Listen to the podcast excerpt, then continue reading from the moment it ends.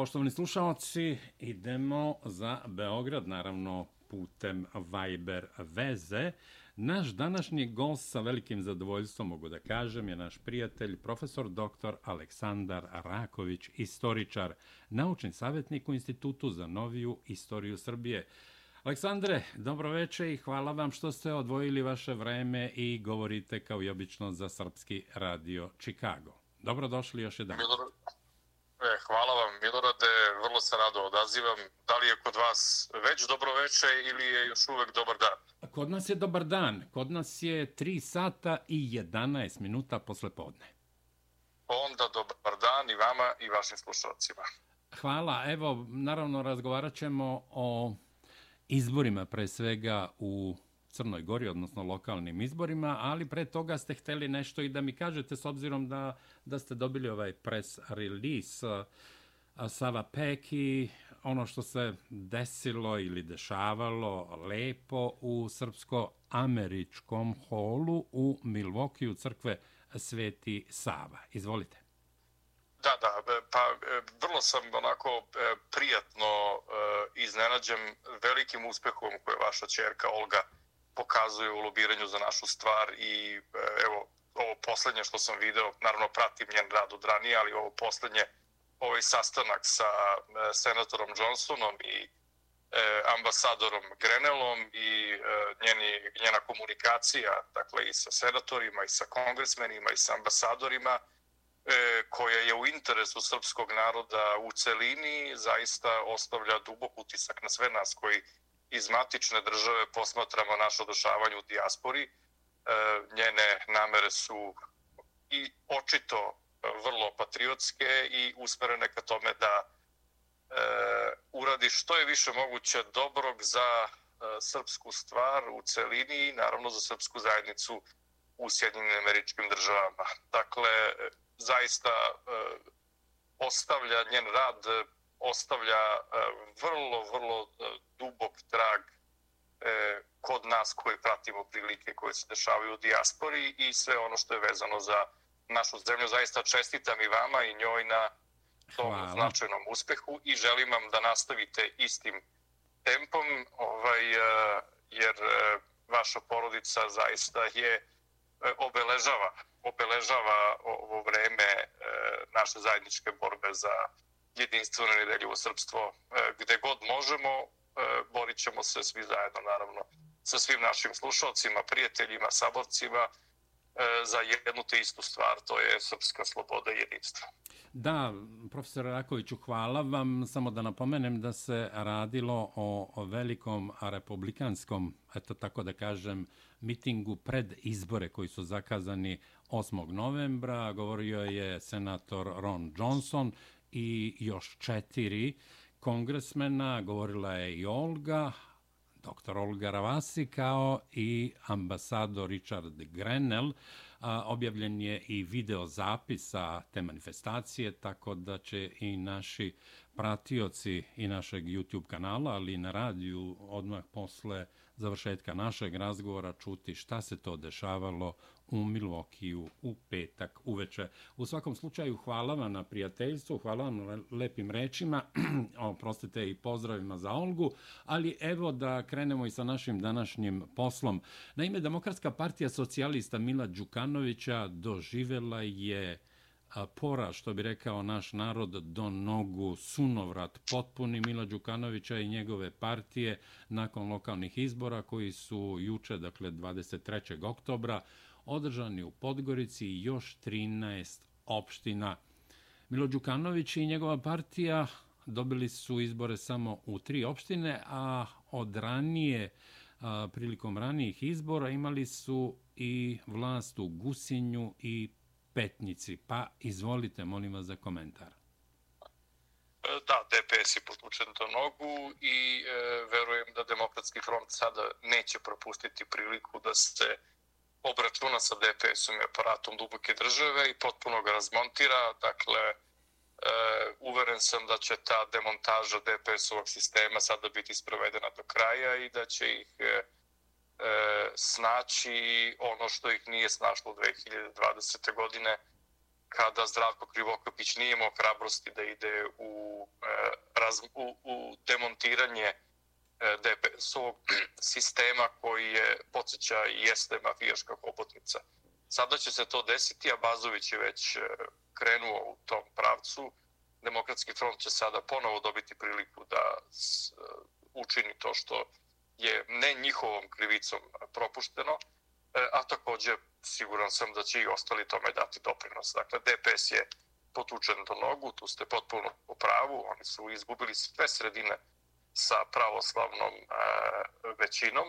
E, e dobili su na izborima one sredine gde su muslimani značajan do broj stanovništva e, i e, to i jeste znači jedini način da DPS na negde na lokalnom nivou ostane na vlasti. Ja, da e, muslimani dalje igraju na kartu e, koalicije s DPS-om. Nadam se da će i njima e, doći e, spoznaja da je to vrlo loše rešenje i da na kraju e, oni gube koalicijni potencijal za ostale u Crnoj Gori ukoliko nastave sa DPS-om, ali to je njihova odluka. Dakle, DPS e, vlada u, u Gusinju, u Plavu, u Petnici, I nažalost vlada će izvesno i u Baru i u Bijelom polju gde su muslimani značajna manjina, ali će oni pretegnuti na stranu DPS-a. U ovim čisto pravoslavnim sredinama svuda su na vlasti Srbi, DPS je zgažen i e, ja mislim da nema potrebe žuriti sa parlamentarnim izborima u Crnoj Gori, već sada, pošto su potvrđeni rezultati iz 2020. formirati od one iste većine iz 2020. stabilnu vladu koja će se obračunati sa DPS-ovom dubokom državom e, i e, poslati Milo Đokanovića na optuženičku klupu gde mu i mesto, gde se već nalaze njegovi najbliži saradnici, e, ova Vesna Medenica, Verica Maraš, Veselin Vuković i ostali koji već ne znam nikoliko ih ima ovaj, u, po zatvorima, tako da sada je nema potrebe zaista trošiti energiju na na nove izborne procese, bio je dovoljan ovaj i doći će izbori za predsjednika Republike. Još jedna važna stvar koja je tu bitna, ne treba dozvoliti Milu Đukanoviću da e, na nekim eventualnim parlamentarnim izborima postane poslanik u Skupštini i obezbedi sebi poslanički imunitet. Dakle, mu se mora skinuti svaki imunitet. On ne smije imati ni poslanički imunitet, ne smije imati ni ne smije imati ni predsjednički imunitet, dakle mora se razrešiti svakog imuniteta, on ne smije dobiti priliku da beži od ruke pravde koja mora da ga snaći. Profesore Rakoviću, Evropa sad, nova politička partija koju su predvodili Jakov Milatović i um, gospodin Spajić, oni su bili ministri u ovoj, moram tako da kažem, vladi nesrećnog, ili već kako da nazovemo tog čoveka, Krivokapića, koja je pala. Dakle, oni su prosto veliko iznenađenje. Osvojili su najveći broj glasova kada su u pitanju opozicione partije u Podgorici, odnosno u Crnoj Gori. Ko su u stvari e, Milatović Spajić i šta je to Evropa sad? Pa Evropa sad je populistički pokret koji je e, zaplovio na onom talasu kad su njih dvojica bili ministri, obezbedili neku pozajmicu i onda podigli plate građanima Crne Gore na način koji nije utemeljen u ekonomiji Crne Gore.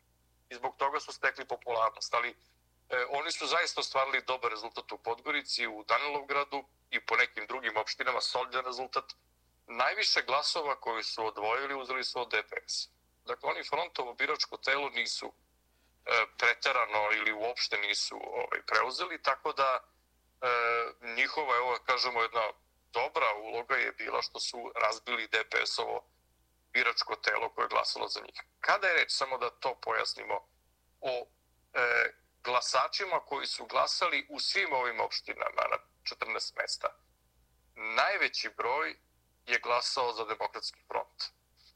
Manji broj za demokrate, a u najmanjoj meri za Evropu sad. Dakle, naša javnost ne treba da bude zavarana tim njihovim uspehom u Podgorici. I da kaže Evropa sad je najjača politička struktura. Ne. Kada se svi glasovi saberu, u Crnoj Gori na ovim izborima, da kažem u ovih 14 opština, to sada imamo kao uzorak veliki, front je najjači od kada gledamo te tri, tri e, strukture koje će ući u koaliciju. Dakle, demokratski front i dalje, na, i dalje najjači. Dakle, Evropa sad je ostvarila uspeh, ali demokratski front je i dalje najjači i e, pokazao je ogromnu žilavost i mogućnost da ostvaruje visoke domete. Pazite, do pre nekoliko godina DPS je samostalno vladao u Budvi. Sada će demokratski front samostalno vladati u Budvi. Samostalno vladati u Zeti, samostalno vladati u Šavniku, uglavnom samostalno vladati u Pljevljima e, i biti u koaliciji sa drugim partijama u, u, u ostalim opštinama u Crnoj Gori. Dakle, e, slažemo se da je Evropa sad ostvarila uspeh, slažem se sa procenama da su demokrate Bečićeve ostvarile neuspeh, ali demokratski front je ostvario izvanredan rezultat. To treba pohvaliti. Dakle, posle svega što su oni pretrpeli oko prethodnih decenija, godina, oni su pokazali ogromnu vitalnost, a tu vitalnost baziraju na snazi srpskog naroda Crne Gore. Trenutno je po istraživanjima u Crnoj Gori 40% građana se izjašnjava kao Srbi. Dakle, idemo ka tome da sigurno naš narod bude relativna većina po nacionalnoj pripadnosti i apsolutna većina po jeziku u Crnoj Gori. To više nije nikakva neka fantazija naša. To nisu naše projekcije. Dakle, to su činjenice koje se utvrđuju radom agencija koje se bave istraživanjima na prostoru Crne Gore. E, kada je reč o, o Evropi sad i demokratama, oni nemaju izvesno nikakvu nameru da sprečavaju e, povratak srpstva u Crnu Goru i snaženje srpstva u Crnoj Gori neće napadati Srpsku pravoslavnu crkvu, tako da je sasvim otvoren prostor za, za pobedu srpstva u Crnoj Gori i vraćanje srpstva u Crnoj Gori, ako ne u potpuno one meri kako je bilo u vreme Petrovića Njegoša, onda u svakako u velikoj meri koje će Crnogoru utvrditi kao još jednu srpsku državu na e, ovom našem prostoru. Profesor Rakoviću, htio sam samo da, da vas zamolim da mi kažete da li je ovaj nesrećni Zdravko Kriokapić koji je bio premijer čini mi se 42. vlade i koji je prevario i, i demokratski front i rekao bih glasače demokratskog fronta, ali inače rekao bih čak i Crnu Goru, da ne govorimo o Srpskoj pravoslavnoj crkvi. Da li on u ovoj Evropi sad, jer su ovo njegovi ministri Milojko Spajić i Jakov Milatović? Ne, ni u Evropi sad, oni su se njega odrekli. Dakle, to je težak Krivokapićev poraz. Krivokapić je osnovao svoju stranku, neku demohrišćansku stranku. Ja ne znam šta to znači u pravoslavnim zemljama. Nema demohrišćanskih stranaka, to su protestantski ili katolički politički koncepti, dakle kod nas potpuno drugačiji vid stranaka, nekih sabornih ili svetosavskih bi mogao da se stvori, ali Krivokapić, pošto je neznalica, on išao ka tome da napravi takav tip stranke i nikoga na kraju nije ni hteo. Tako da je on ostao sada sam. Ne znam da li je ta stranka uopšte registrovana, da li postoji ili je to neki njegov projekat. Na kraju nije ni važno jer on se neće vratiti u politiku u Crnoj Gori s obzirom da nema nikakvu podršku. Njegova podrška je zaista na nivou 0, nešto procenata. Zašto je sam kriv? On je imao veliku podršku naroda, veliku podršku i Srbije i Republike Srpske, a onda je i Srbiji Republici Srpskoj zabao nožu leđa i završio je onako kako je i odigrao. Dakle, odigrao je loše i završio je katastrofalno, što želimo i Milo Đukanoviću, naravno, ali Krivokapić je bio nedorastao protivnik, Milo Đukanović ipak opasan protivnik, ne treba ga ni sada pocenjivati nakon svega ovoga. Dakle, bit će tu još muke sa njim, ovaj, ali ne sumnjam da će se on na marginama na kraju pridružiti Krivokopiću, s tim što je naravno Krivokopić ovaj, eh, nije čovek eh, takvog tipa da mu se mogu pripisati onakve stvari kakve se pripisuju Đukanoviću. Dakle, Rokopić je potpuno drugačiji tip čoveka, on je neznalica eh, sa ogromnim ambicijama i to je to. Dakle, ne treba, mislim, više ni razmišljati o tome da će se on ikada vratiti u politiku. Profesor Rakoviću, za kraj, naravno, ne manje važno, situacija u Republici Srpskoj za sutra je zakazan veliki miting u Banja Luci protiv prekrajanja izborne volje građana. Centralna izborna komisija Bosne i Hercegovine još uvek nije objavila konačne rezultate izbora za predsjednika Republike Srpske i podpredsjednika Republike Srpske, pa ako možete kratko da proanalizirate i tu situaciju ili, ili ne znam već kako bi to više nije ni situacija, to je prosto nešto nezabeleženo u, u, u demokratskoj praksi da nekakva centralna izborna komisija koja nema legitimitet, o tome govore i predstavnici hrvatskog naroda u Bosni i Hercegovini, jednostavno ni posle 20 dana nije objavila rezultate izbora za predsjednika Republike Srpske na kojima je i po njihovim uh, prvim rezultatima, tada je prebrojeno negde oko 98% glasova, pobedio Milorad Dodik. To je ovo što radi Centralna izborna komisija nasilje nad Republikom Srpskom. E, ne čudi naravno od političkog Sarajeva kada pokušava da vrši nasilje nad Republikom Srpskom, ali jako čudi ovo što su Republici Srpskoj priredili E, Jelena Trivić, e, Borenović, e, Crnada, Kišarović. Dakle, ta njihova uzurpacija, u stvari pokušaj uzurpacije izborne volje građana, njenog prekrajanja, proglašavanja Jelene Trivić za pobednika je e, zvučala i delovala groteskno te večeri, ali one je očigledno s namerom e, proglašena za pobednika na izborima, govorimo o gospođi Trivić, da bi se u stvari napravilo ovo, ovo zamešateljstvo kako sada pravi Centralna izborna komisija. Dodikova pobeda je jasna. Dakle, on će imati 30.000 glasova više od Jelene Trivić i ja zaista bih e, želeo da verujem da je ta žena samo izmanipulisana i da su je izmanipulisani Borenović, Crnadak i Šarović i najmanje što možemo da očekujemo od Jelene Trivića da se izvini čitavom srpskom narodu za to što se desilo i za ovu krizu u, koje, u koju su ovi uvukli Republiku Srpsku. Dakle, najmanje što možemo da očekujemo je jedno izvinjenje jer ona nije pobedila na ovim izborima.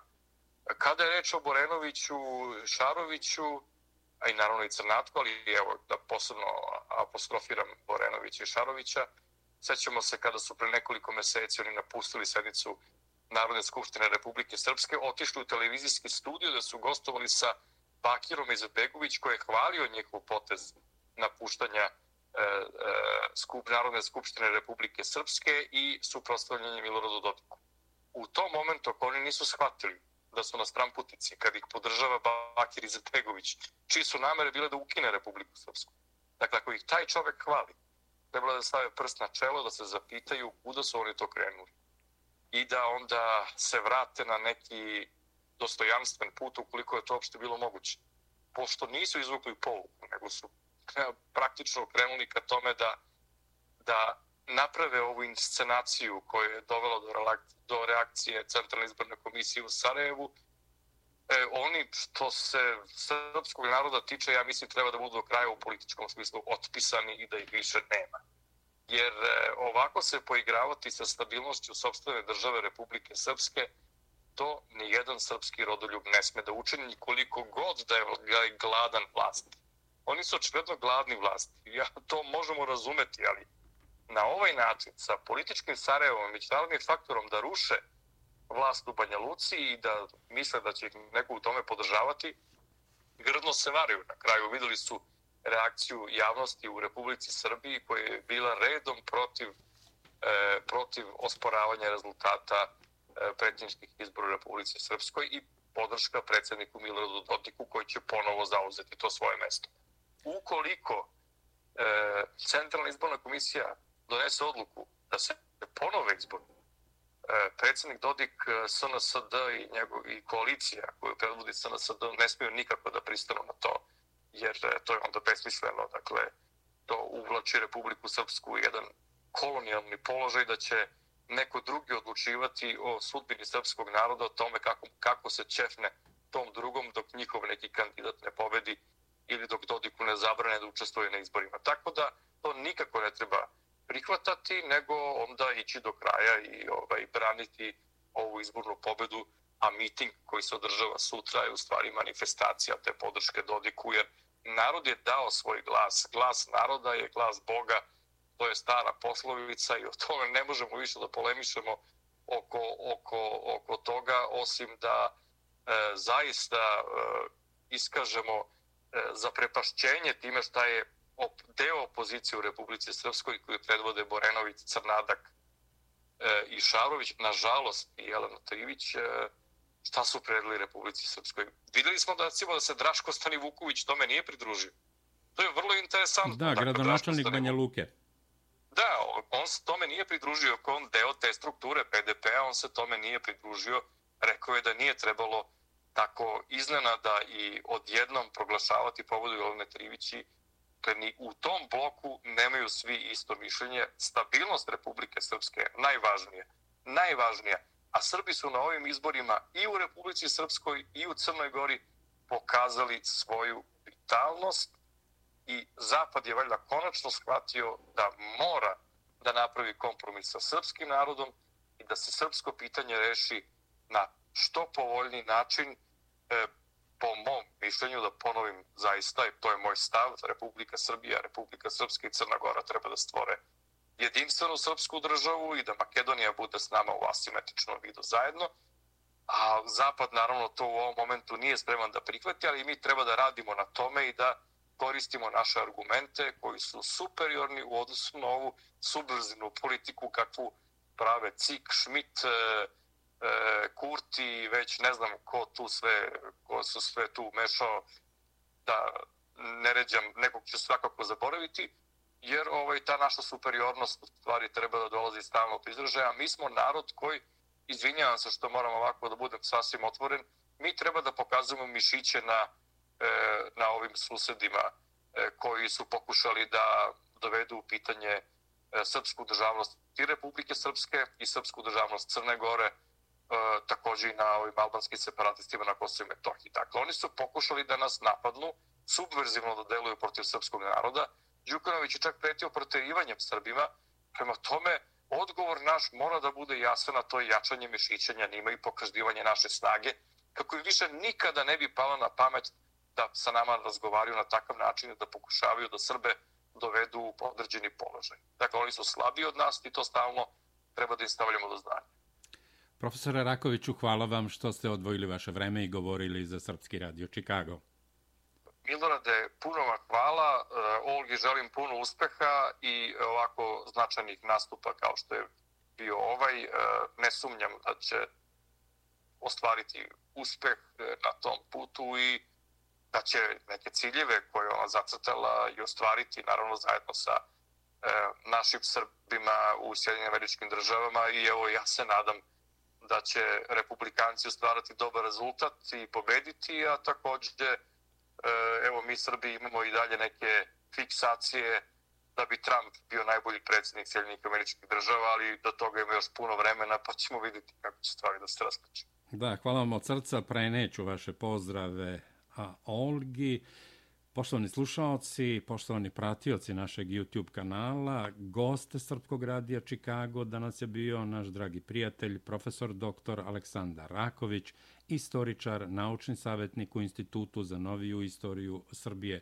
U nastavku idemo sa fonozapisom sa Republikanske konvencije Wisconsin koja je održana u Milwaukee u srpsko-američkom holu crkve Sveti Sava. Hvala vam profesore Rakoviću još jedan put i srdačan pozdrav od srca. Hvala vama, prijetno. Prijetno.